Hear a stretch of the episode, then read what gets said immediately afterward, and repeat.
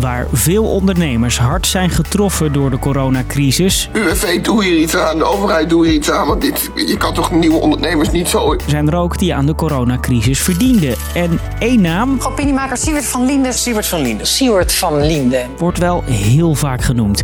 Heel Nederland vindt wat van Siewert van Liende. Siewert probeert ons te tarten en pijn te doen. Alle grappen zijn al gemaakt, alle woedende argumenten getwitterd, alle ranzige metaforen gebruikt. Het heeft alles te maken met een omstreden mondkapjesdeal die die sloot. We hadden een beter systeem moeten inrichten waardoor dit soort rovers niet kunnen roven met ons belastinggeld. En hij heeft 9 miljoen in zijn eigen zak gestoken. Van belastinggeld. Gewoon een bedrieger. Een rover, een bedrieger. Ik ben Marco en ik vertel je vandaag over Siewert van Liende en waarom zijn hulp tijdens de coronacrisis Daar ben ik echt onwijs trots op. tot zoveel gedoe leidt. Lang verhaal kort. Een podcast van NOS op 3 en 3FM. En we beginnen bij Siewert van Liende zelf. Ben je niet bang geweest de afgelopen tijd, ook omdat je een BN'er bent geworden... eh, en dat je een klein beetje een eigenwijs imago kreeg voor een jongetje van 17 jaar? En, nou ja, je wordt heel snel een arrogant blaaskaakje, denk ik, daarvan. Hoewel hij nog maar 30 is, is hij al best een poos bekend. Misschien herinner je hem nog wel. Hij was de jongen achter Vrijdag waren er dik 30.000 en op maandag waren het er ongeveer 6.000. Van Linden leidde als voorzitter van scholierenorganisatie LAX de grote stakingen tegen de 1040 uren norm op de middelbare school.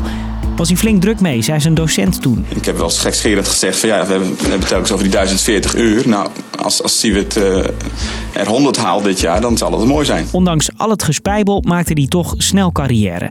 Hij werd columnist, richtte jongerenbeweging G500 op om de politiek te beïnvloeden. Je moet de macht van binnenuit moet je dat gaan reorganiseren. En hij werd bekend als opiniemaker, online en bij De Wereld Draait Door. Siewert, wat is er veranderd met al die sociale media? En Van Liende werd actief bij het CDA. In 2020 schreef hij mee aan het verkiezingsprogramma.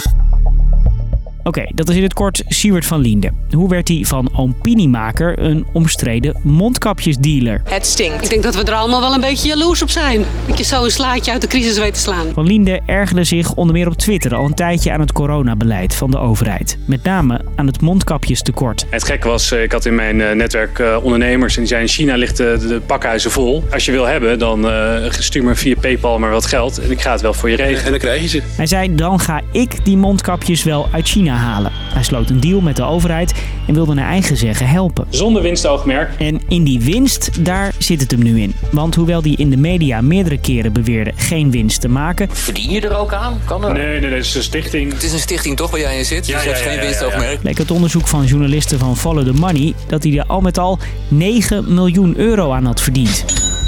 En bovendien blijkt nu dat de tientallen miljoenen in die deal helemaal zijn voorgeschoten door het ministerie van Volksgezondheid, zegt de minister. Ik probeer er ook gewoon heel eerlijk over te zijn. Toen ik vandaag die vraag kreeg over die voorfinanciering, dacht ik voor een bedrag van 100 miljoen, dat kan niet. Dus ik zei ook direct, nee, dat, dat is niet zo.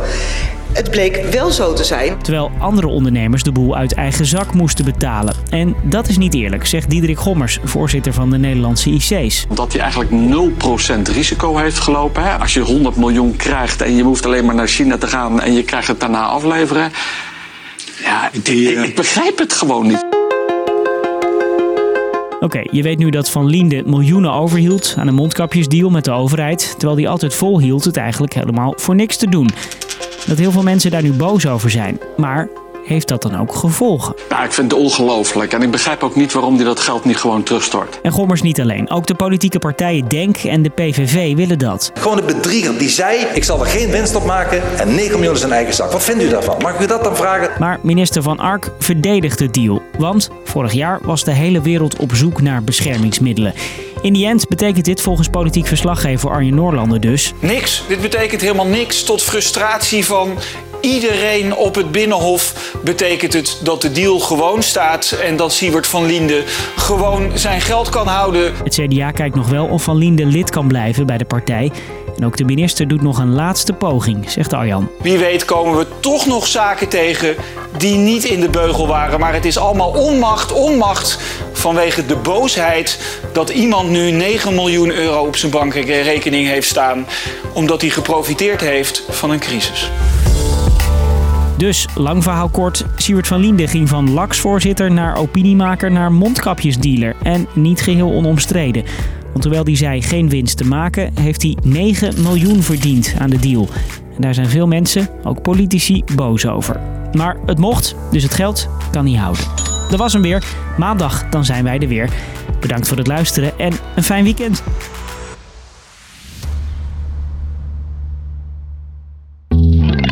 opa's en oma's en misschien ouders die overlijden.